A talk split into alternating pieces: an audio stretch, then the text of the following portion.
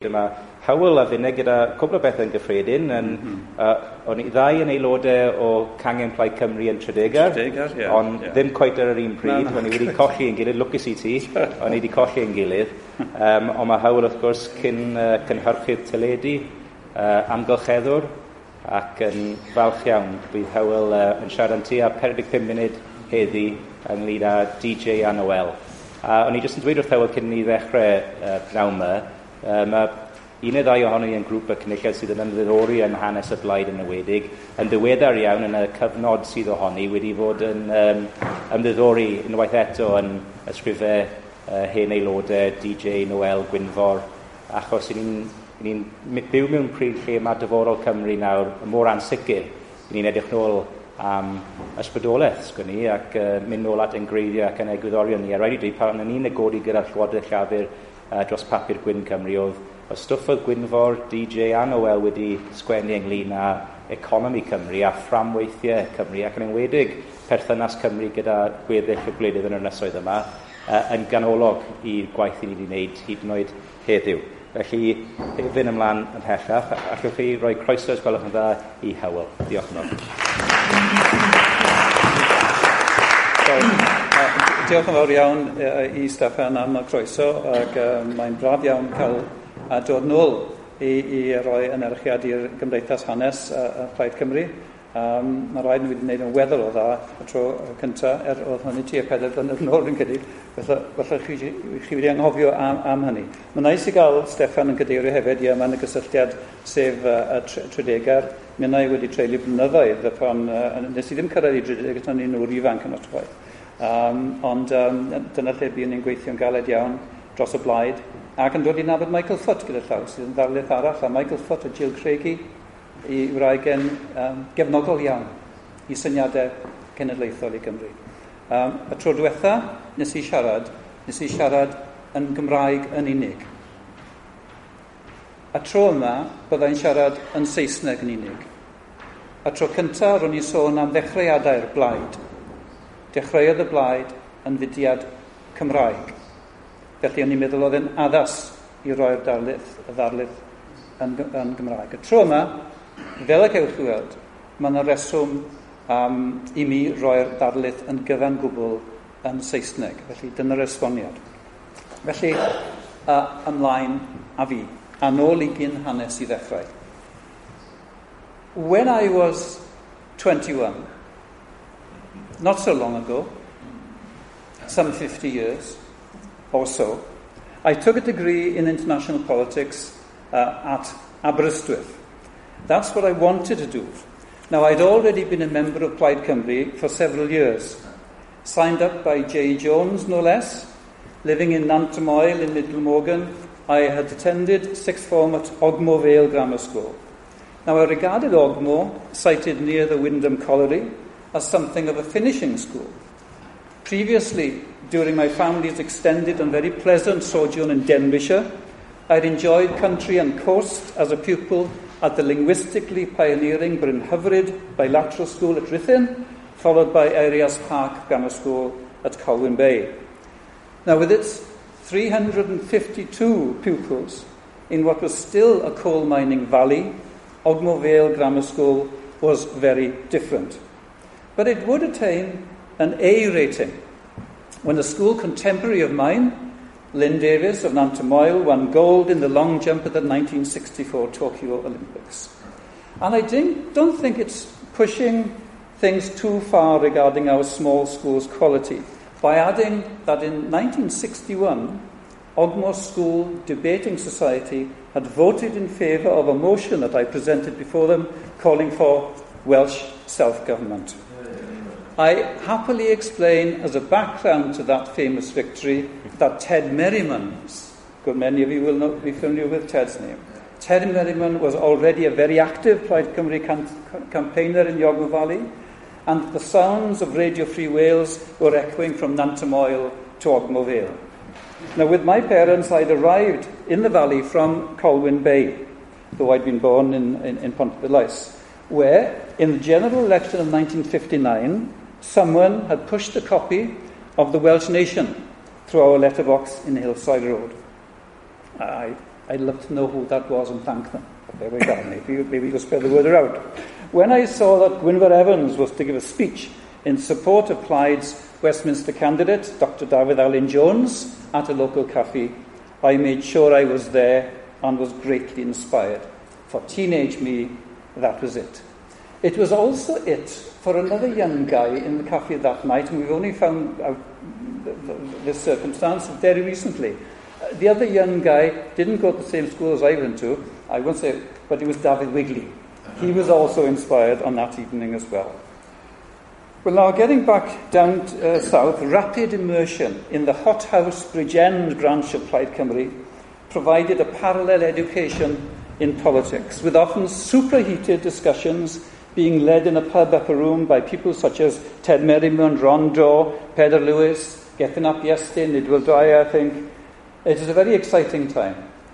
Local politics, Ted Merriman once informed me, as we were distributing leaflets in Gilfach Goch, is all about ball and chain.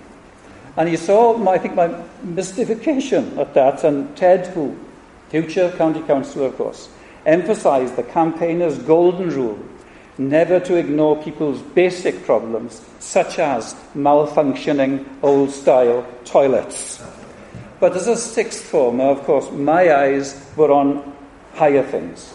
I had seen that Aberystwyth had a very distinguished Department of International Politics. And it was at Aber that the first chair in that subject had, at any university had been endowed by League of Nations supporter and former MP David Davies of Llandinam in 1919. As you see, there was a much higher quality of David Davises in politics in those days. But my conviction as an 18 year old that a self governing Wales should be a full member of international institutions meant that there was only one university I wanted to go to.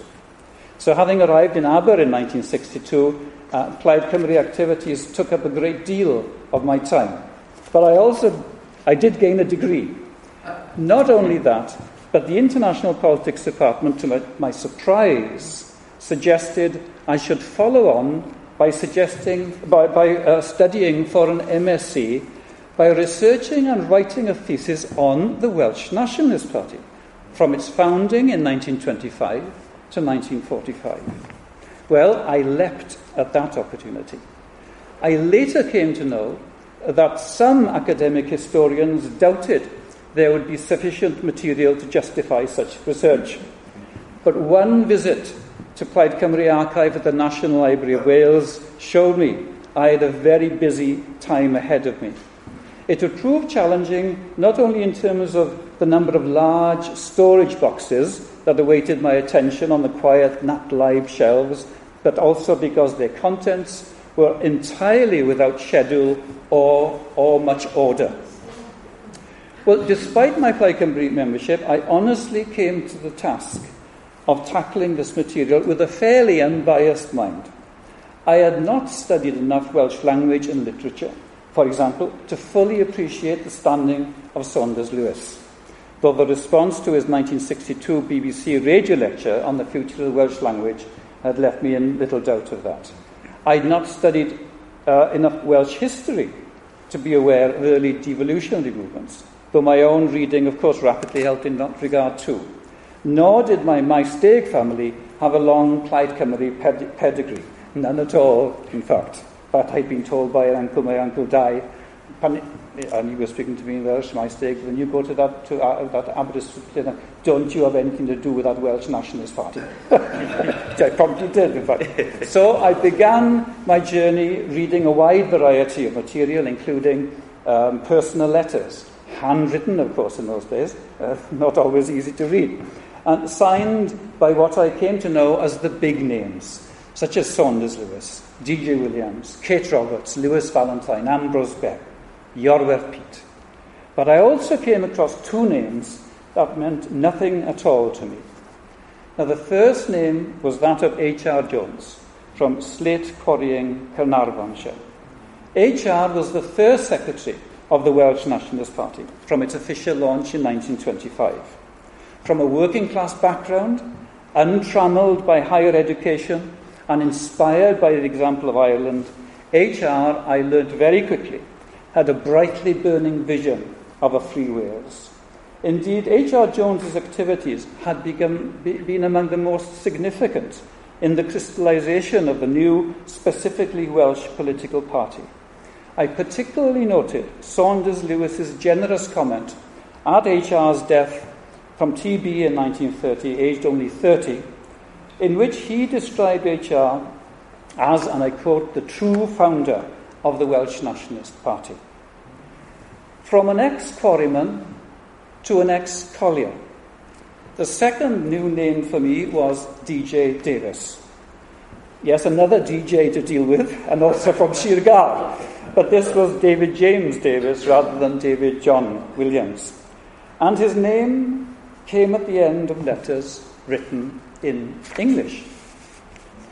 DJ Davies soon, soon stood out for me, not only because he communicated, communicated with the party in English, but because of a life experience which was very different to that of other leading nationalists at that time. It stood out also because of the clarity and range of his ideas as to how the infant party should develop. He was a young man who had already done a lot of studying and a lot of thinking about the need for a Welsh nationalist party before any such party was established. Now, I know that many of you are familiar with Dr. Kynwyn Thomas's biography of G.J. Davis in her collection of his articles um, published by the Blind in, in 58 under the title of Towards Welsh Freedom. Well, Kynwyn had worked closely with DJ and his Irish wife, Noel, at their home, Pantabeiliae, near Gilwern in Brackenshaire. Other personal, valuable personal notes were made by Breton nationalist Yann Fouéré, uh, who had enjoyed a stay with DJ Noëlle for a period in 1946, which included applied a summer school in Abergavenny. Yann said that DJ walked and talked him near to exhaustion on the slopes of Mynydd Llangynidr, explaining coal mining techniques. Well, DJ, and I won't la- take too much time regarding the biography. No one, I'll mention that. DJ had been born in uh, 1893 near Carmel, uh, not far from Cross Hands. And he followed his father by becoming a boy collier at Cross Hands and then working underground with his elder brother at Bedlinog and also worked in, in Barry Docks. His father, Thomas Davies, was from Carmarthenshire but had been a miner in Rhondda before returning to Cross Hands. And his mother, Ellen Williams, who died when DJ was just 14, was from Ferndale in Rhondda Fach, a typical Welsh mining family. But in 1912, at age 19, in a remarkable grasping at a different life, this lively and ambitious lad, set apparently for a future in the mines of southern Wales, decided to apply for the American dream. And he had a really good shot at it in view of our lack of time for this session, okay, I'm now going to have to jump those 50 action packed years. Well, that's how DJ described the seven years he spent in the States. and maybe you've got some idea of what all, all kinds of things were. To give you just a hint, I'll pick up the story. When DJ is serving as a mechanic on an American Navy warship in the Mediterranean in 1919. With war pressures at an end, DJ writes a letter to his sister telling her that politics has called. He's become a socialist, convinced of the centrality of the class struggle in politics. Leaving the US Navy as a mechanic first class, of course, DJ settles back in Wales. And with political ideas now to the forefront, he teams up with other socialists in Ammanford, where we are told he worked enthusiastically alongside leading Labour activist Jim Griffiths. Now, Jim Griffiths, of course, was um, appointed Labour's agent in that period, the agent for Llanelli in 1922, and he became an MP for Llanelli and eventually our first Secretary of State for Wales. So, in the early 20s, the siren call of Labour must have been strong for DJ Davies too.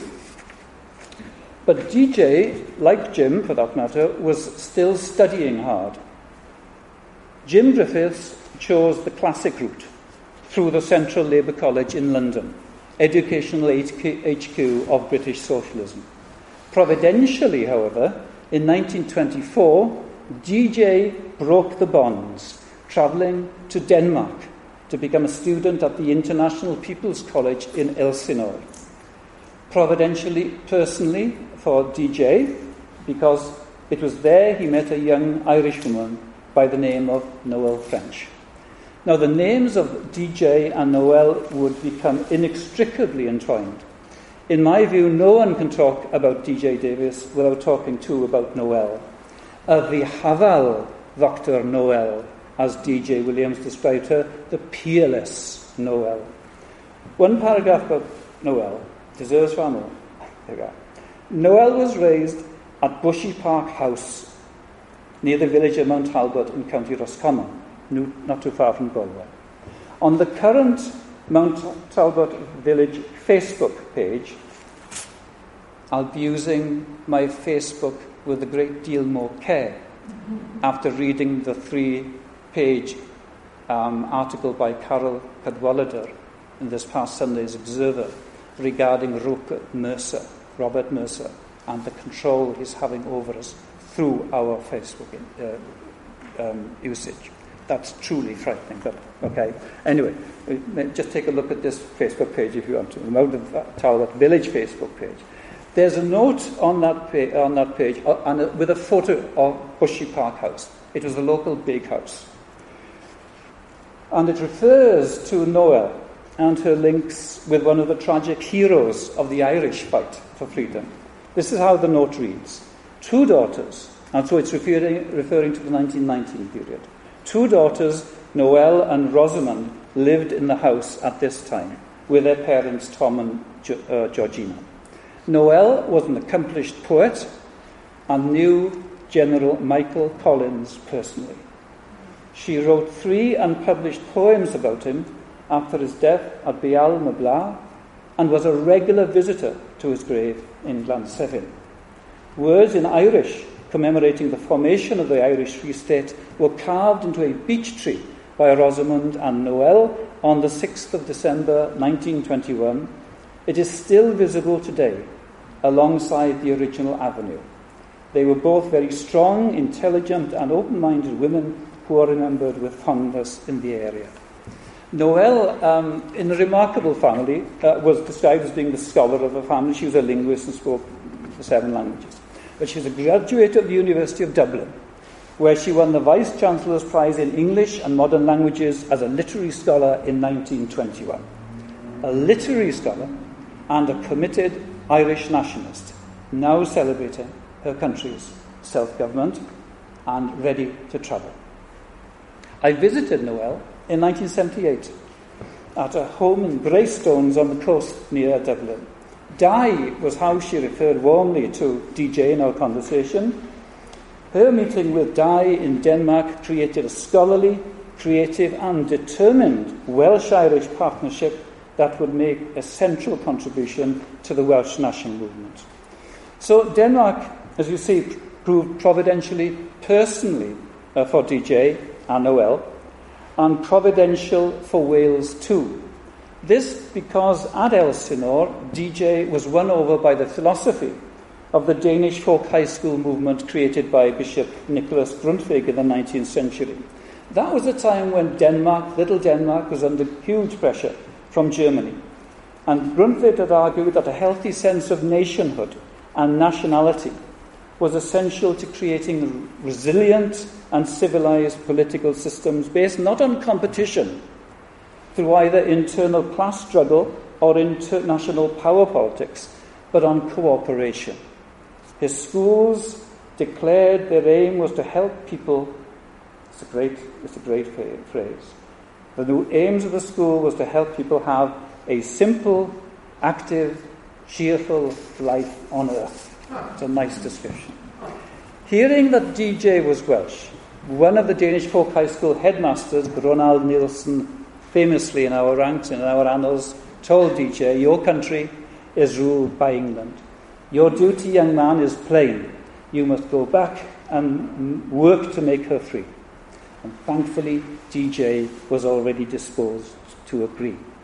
Now, Dr. Ceinwen tells us that in December 24, during a further period of study in Denmark, DJ sent a letter home, this time to friends in Llanderby, in which he now presents his new vision for Wales, avoiding class conflict. The central idea now was cooperation within and between nations. And she quotes his letter. This is 1924. The great point is how can Little Wales benefit from the idea? I'll tell you. We must ask the Englishmen to give back our national home. And the sooner we do this, the better. You see, we cannot develop the right kind of patriotism whilst we are in bondage.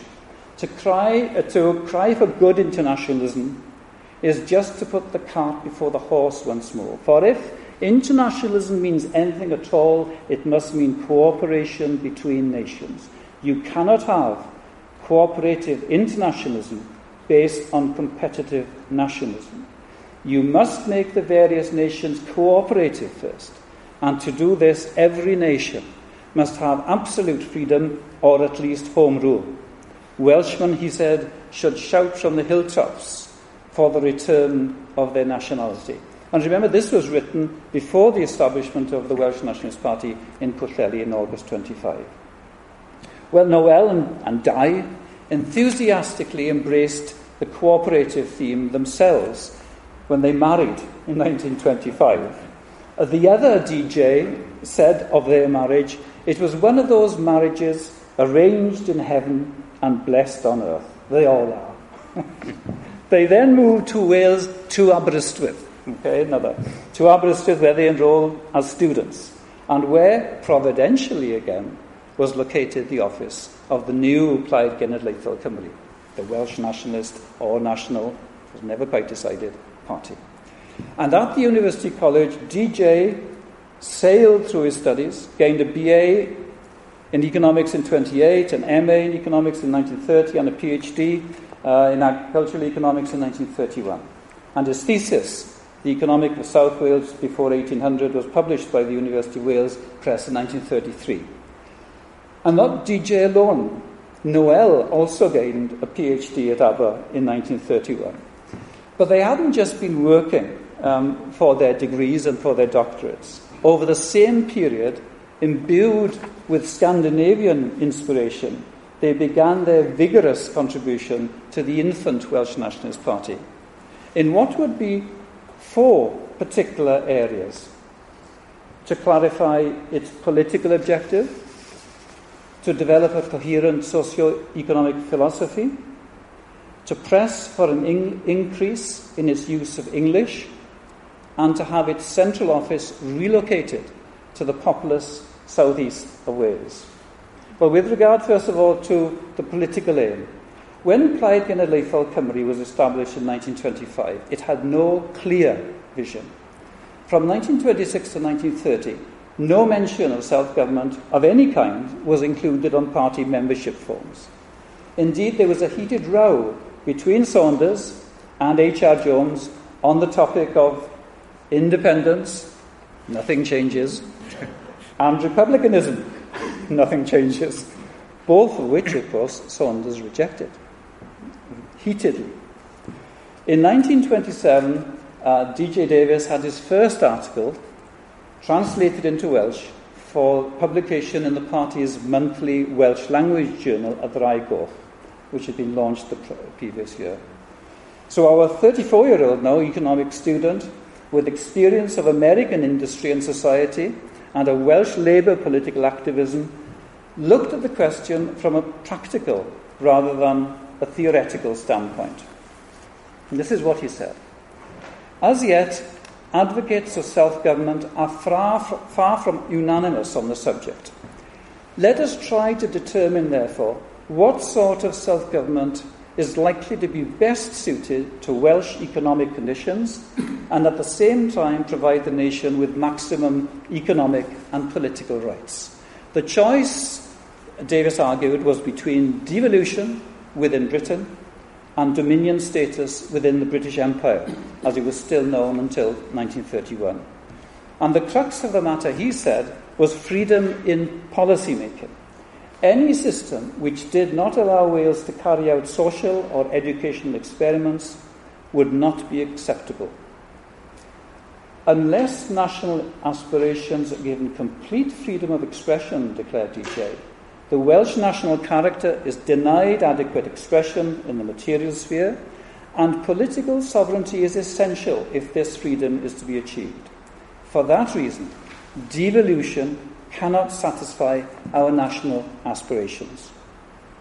Devolution would not provide Wales with the necessary control over revenue, he claimed. Only political sovereignty could do so. DJ argued that the party should adopt as its aim Dominion status on the pattern of the Irish Free State, which had been established in 1922 and about which he now knew a great deal through the fact he'd married Noëlle French. This would entail full control over trade, finance, taxation, economic resources, and so forth, and also acceptance of the British Crown.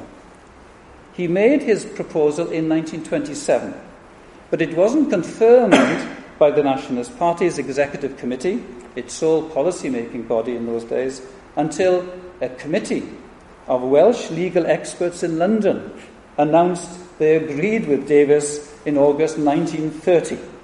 It then headed a new list of Welsh Nationalist Party objectives from February 1931, but DJ had said it all in 1927. But it's worth remembering that DJ, like Saunders Lewis, also bore in mind the need for a higher national authority, or an authority higher than the nation, specifically accepting the notion of limited sovereignty. This is what he said. Under present world conditions, it is also essential to recognize the supreme sovereignty of the League of Nations to avoid strife between self governing nations. That's a, a very important theme right from the very start of the Blaid. So DJ also made a centrally important contribution to the development of the Nationalist Party's econo- uh, socio-economic policy. So it's a political aim, and now it's a socio-economic aim. Uh, having been established during the turbulent 20s, the party was inevitably drawn into suggesting what shape a new Wales should take. Now, two prominent figures during the formation period of the party, Saunders Lewis and Ambrose Bebb, turned to history to find guidelines for what they considered might be a, a nationalist style in economics. Ambrose Bebb, who did say some extreme things from time to time, fiercely rejected the socialist class analysis in a manner clearly directed at the Labour Party. He said, We are as indebted to the blood of the aristocracy as we are to the energy and toil of the workers it was not one class that shaped our destiny, but everyone. It was designed to upset a lot of people. Saunders Lewis, too, looked back to what he regarded as a golden age in the 14th century, in which he saw in Wales a population of small, property owning families sustaining a vigorous cultural life. Having initially seen the new pre formation nationalist group as a conservative movement, specifically, Saunders Lewis declared in 1926 that capitalism was, quote, one of the chief enemies of nationalism, dividing and impoverishing the nation. So, as he now looked ahead to the elimination of major capitalists, he argued for the distribution of ownership and wealth. Saunders said, it is appropriate for the majority of the workers of the nation also to be capitalists. That alone suits the dignity and contentment of man. That alone can ensure freedom for him so that he will be master of himself. The majority of citizens should be small capitalists, owners of land, factories, or quarries. But again, for D.J. Davies, the question was not a theoretical one, but a practical one of how a Welsh Parliament might improve the lives of the people of Wales in the bleak 20s and the desperate 1930s. And he looked at the issue, first of all, from the point of view of a Labour government which he expected to be elected by the free people of Wales. A socialist government of Wales, he envisaged, would seek to tackle the economic reconstruction of the country through the centralist nationalisation of the banking system, of land, of coal mines, and industry in general. D.J. Davies counter argued that a better way ahead would be provided by a decentralist form of socialism on the guild socialist model. Decentralisation and cooperative structures became his major themes. Democracy, he said, in itself could be enhanced. And we need to think about that in these days as well. And costs cut by transferring powers to local government. And in industry, he argued, decentralised control in a small national community would provide individuals with a greater sense of self esteem. The gr- closer the economic fact- factor is brought to the individual, said DJ, the more easily it can be controlled a fact which explains the success of cooperation. There is, he said, a far greater stimulus to individual enterprise and interest and cooperation in public affairs in a small nation in which each individual feels he counts for something than in a large state in which the individual is lost in the mass. So he greatly expanded in the pioneering work um, carried out early in the century by E.T. John MP in analysing the Welsh economy. And here Noëlle provided a detailed critique of British government economic policy and prepared an economic policy blueprint for a future Welsh national government. And these ideas were brought together in the pamphlet, The Economics of Welsh Self Government. It was the Nationalist Party's first English language publication, published in 1931, in the throes now of the Great Depression. Wales is industrial base, so overly dependent on heavy industry, said DJ, would be diversified by Welsh government. And the Welsh government also would emphasise new road and rail links to develop the links between North and South Wales to create a national economy. And Welsh water resources, he noted, would be developed for the benefit of Wales, not for big English cities. It was anti imperialist and it was anti business, anti big business. And the pamphlet called for the creation of industrial and agricultural workers' cooperatives to start pulling Wales out of depression. The key to successful reconstruction, said DJ, lay in those twin principles of cooperation and decentralization. He said, the ideal form of ownership and management is no doubt the cooperative one, since this is the form that permits the fullest human development of the working man and that encourages individual initiative together with a sense of responsibility and solidarity. He looked back a good deal to the example, of course, of Robert Owen in that. He contrasted that attitude with those of capitalism and laissez faire individualism, which he said were, quote, devoid of the element of common control and common purpose. But he also rejected state socialism, in which the voluntary initiative and personal responsibility of the individual tend to be ignored. The workers of, of self governing Wales, he declared, should not remain wage slaves. Well, his further arguments on the cooperative theme had their effect during the Welsh Nationalist Party's Bryn Mawr summer school in 1932. Bryn Mawr by then had an unemployment rate of about 80. 80%. When it was resolved that, quote, the only way to bring Wales out of its present problems is by establishing a state based on cooperation. And this resolution was confirmed by the party's executive committee as the Nationalist Party's official economic policy, though it was never a condition of party membership, as were support of Dominion status and League of Nations membership.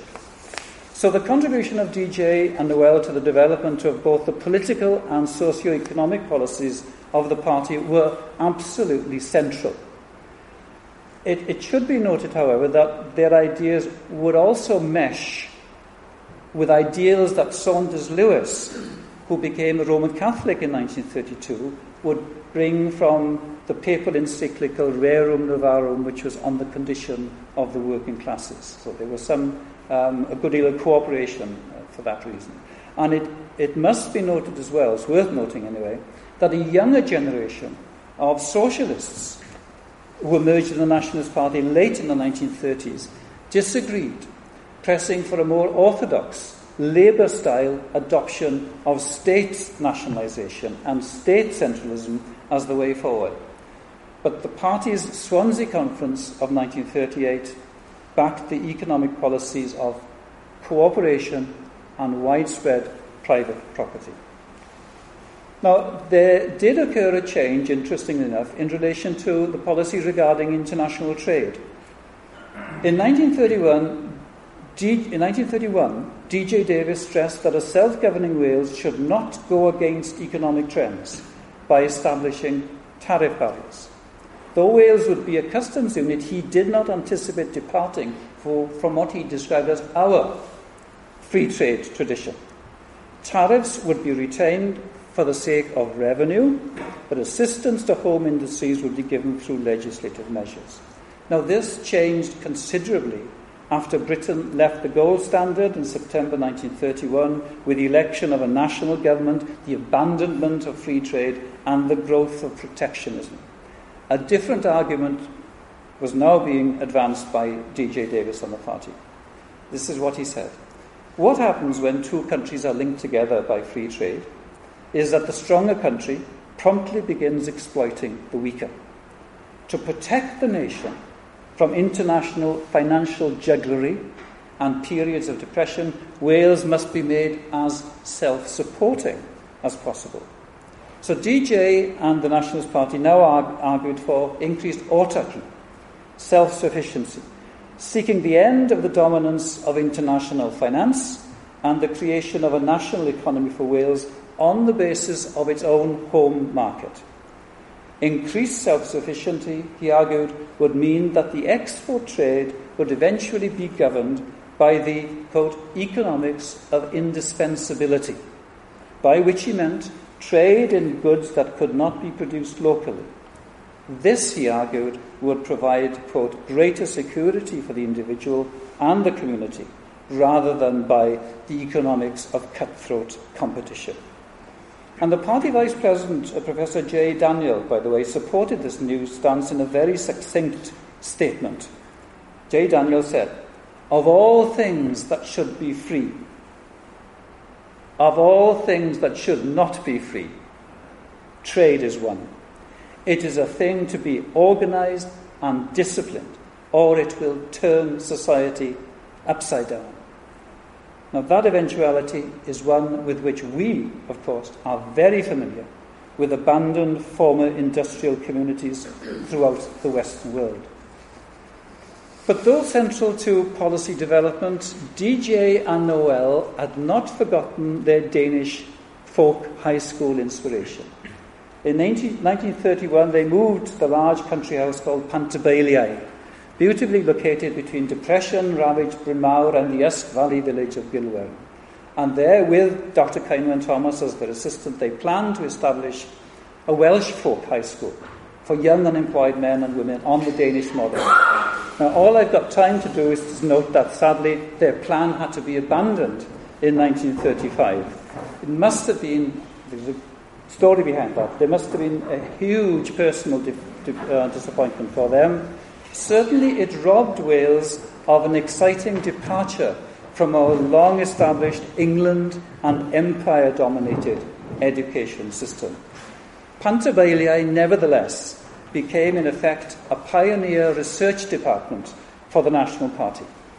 DJ and Noëlle produced several impressively researched and persuasively written books and pamphlets and led popular discussions at Plaid summer schools. Having seen them in action in Abergavenny in 46, Yann Fouéré said of them, DJ was abrupt, straightforward, whilst Noëlle was gentleness and patience itself. The former would be carried away by a flood of ideas falling over each other. It's a nice description. but as well as the contribution to the formulation of political and socio-economic objectives. DJ, as I mentioned, also argued for the party to start using more English and for its national office to be moved to the more populous southern industrial areas. Now, DJ was a Welsh speaker and a very strong advocate of the language and culture, but his bitterly anti Welsh primary school education, like with many, had left him unable to write in Welsh. Now, the party, as I said, published its Economics of Self Government in 1931 as its first English language pamphlet. DJ now carried on and pressed for the party's monthly Welsh language journal, Y Goch, to be published at least in a bilingual format or also to be made available in English. And this is what he said the best guarantee for the future of the Welsh language is the speedy victory of the Nationalist Party.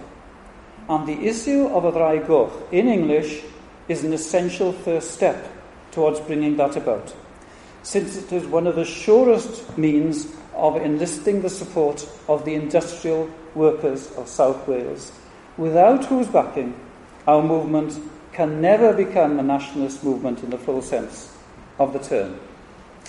But the problem was, of course, that the Welsh Nationalist Party had been created by Welsh speakers who valued this new political arena in which they could use Welsh. So the proposal to publish a journal in English caused a good deal of friction, a great deal, in fact, of friction. However, the monthly English language Welsh Nationalist was launched in 1932, and several prominent members did resign from the party. But DJ continued to seek even greater use of English. This is how he wrote to JE in July 1934. As we are going on now as a political movement, it seems to me we are creating a very wide division between the Welsh and the English speaking Welsh. As things are, I'm sure we're not making any real progress at all, but just waddling in the mud, gaining a little one day, only to lose it the next. Well, the Welsh nationalists survived. I mean, it's worth saying that because there were those who did not want it to survive and an English booklet by D.J. Noëlle that strongly argued can Wales afford self government was published in August 1939, with others in English rapidly following. English joined Welsh for the first time in a Welsh Nationalist Party conference in 1941. And then, fourthly, the final one I want to refer to, DJ fought for the party to move its national office to identify itself more clearly with the populous, population balance of Wales. Initially located in Aberystwyth, the office had been moved to Carnarvon, which DJ referred to disparagingly as the tail end of Wales. He gave J. Jones and the Plaid officers another warning. There is no future for a Blaid without the English speaking Welshman, and a half hearted policy to meet him halfway will prove useless. Well, it was another battle that D.J. Davies won. In 1944, he presided over the opening of a new Plaid Cymru office in Cardiff. And in 46, J. Jones left Carnarvon, heading south to Plaid's new HQ in number 8 Queen Street. How many of us remember 8 Queen Street? Good many of us, lovely. I, I, I, remember meet, I remember meeting Lewis Valentine at Queens. That was that was a big that was like a royal a state visit from Lewis Valentine. It's nice. What's what's it? Oh yes. Well, what can we say to that? What can we say to that? Okay, I, I will I will hurry on. Though on the fringe of the party, though on the fringe of the party's inner leadership circle, and that was the case, DJ and Noëlle more than anyone had worked tirelessly to show how self government was essential to meet the economic and social problems of Wales. And the parliamentary by elections, special circumstances, not worry, the parliamentary by elections and the general election in 1945 um, seem to confirm that the Blaid had a constituency of support in those very parts of Wales which DJ had felt had been ignored. And in 1945, too, of course, Gwynfor became Plaid pres- uh, president. Plaid Cymru was now emerging. I think there's a distinct change there. So, with tremendous energy and commitment, DJ and Noëlle provided the Blaid with a rich legacy of well researched, carefully argued writings on the Welsh political, economic, and social situation.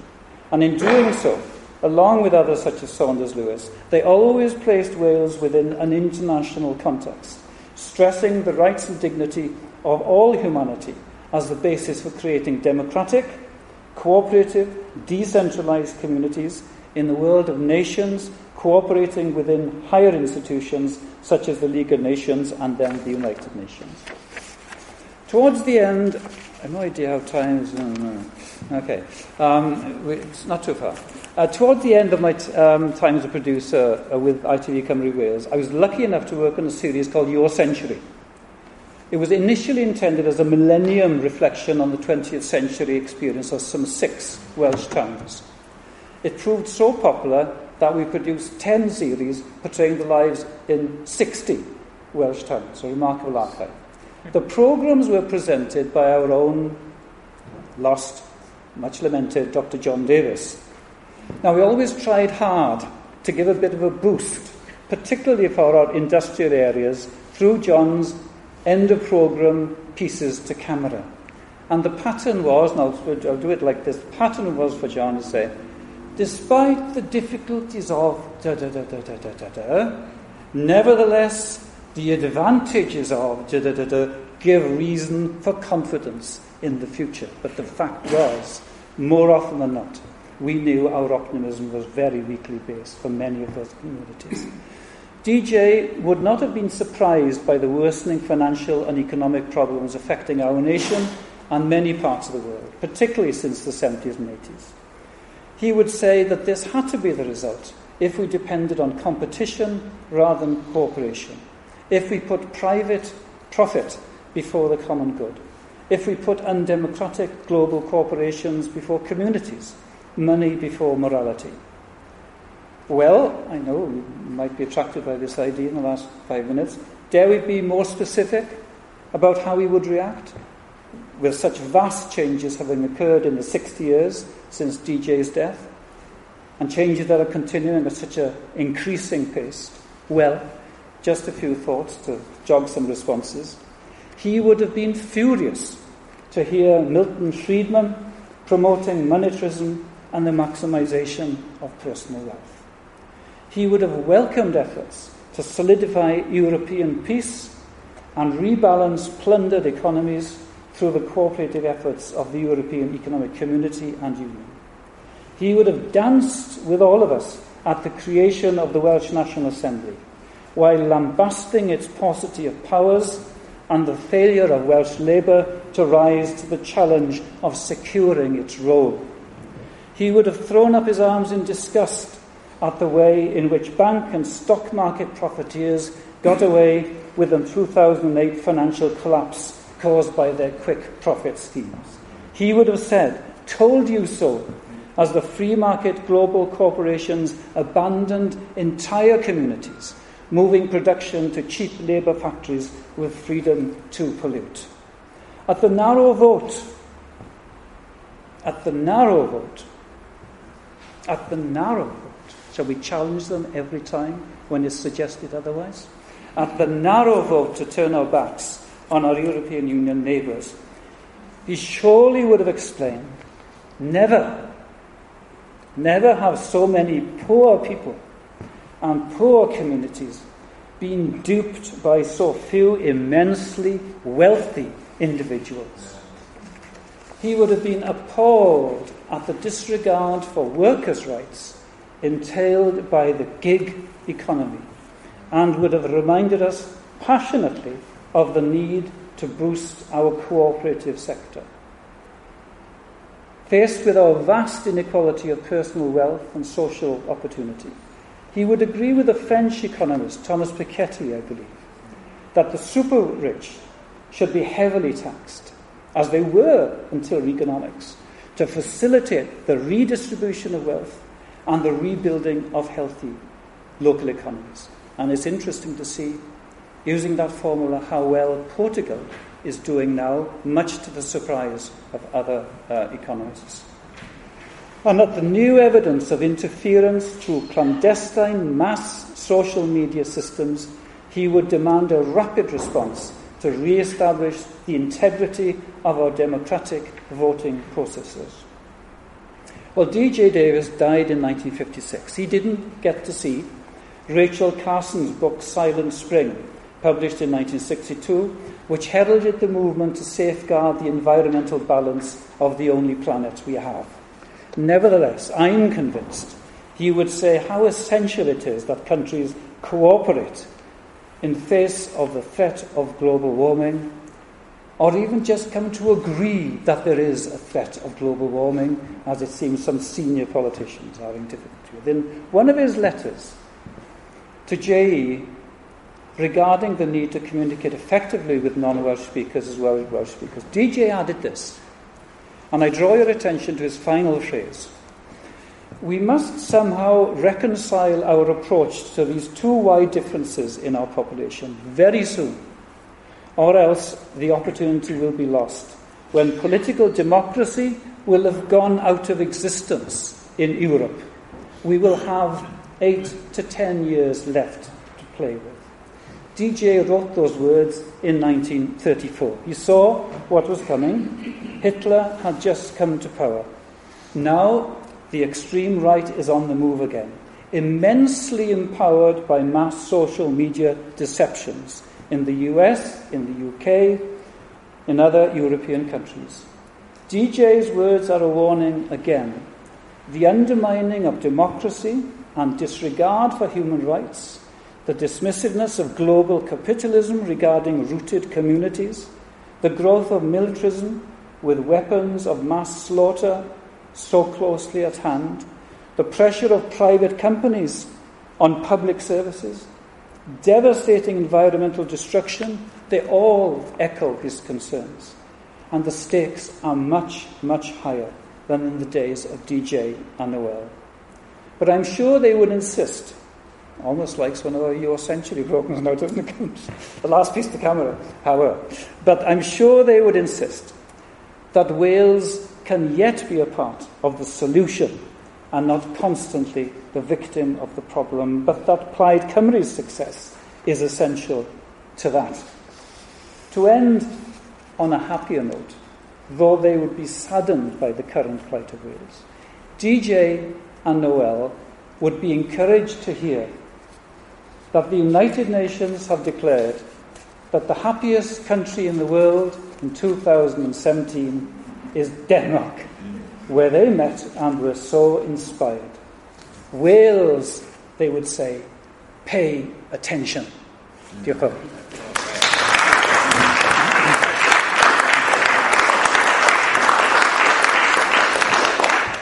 Diolch yn fawr iawn, uh. That was fascinating and I enjoyed very much to hear that effectively uh, your suggestion that Gwent created Plaid Cymru's first ever think tank there just outside Gilwern. Uh, the contribution of uh, this county to the party and the national movement is boundless. Boundless.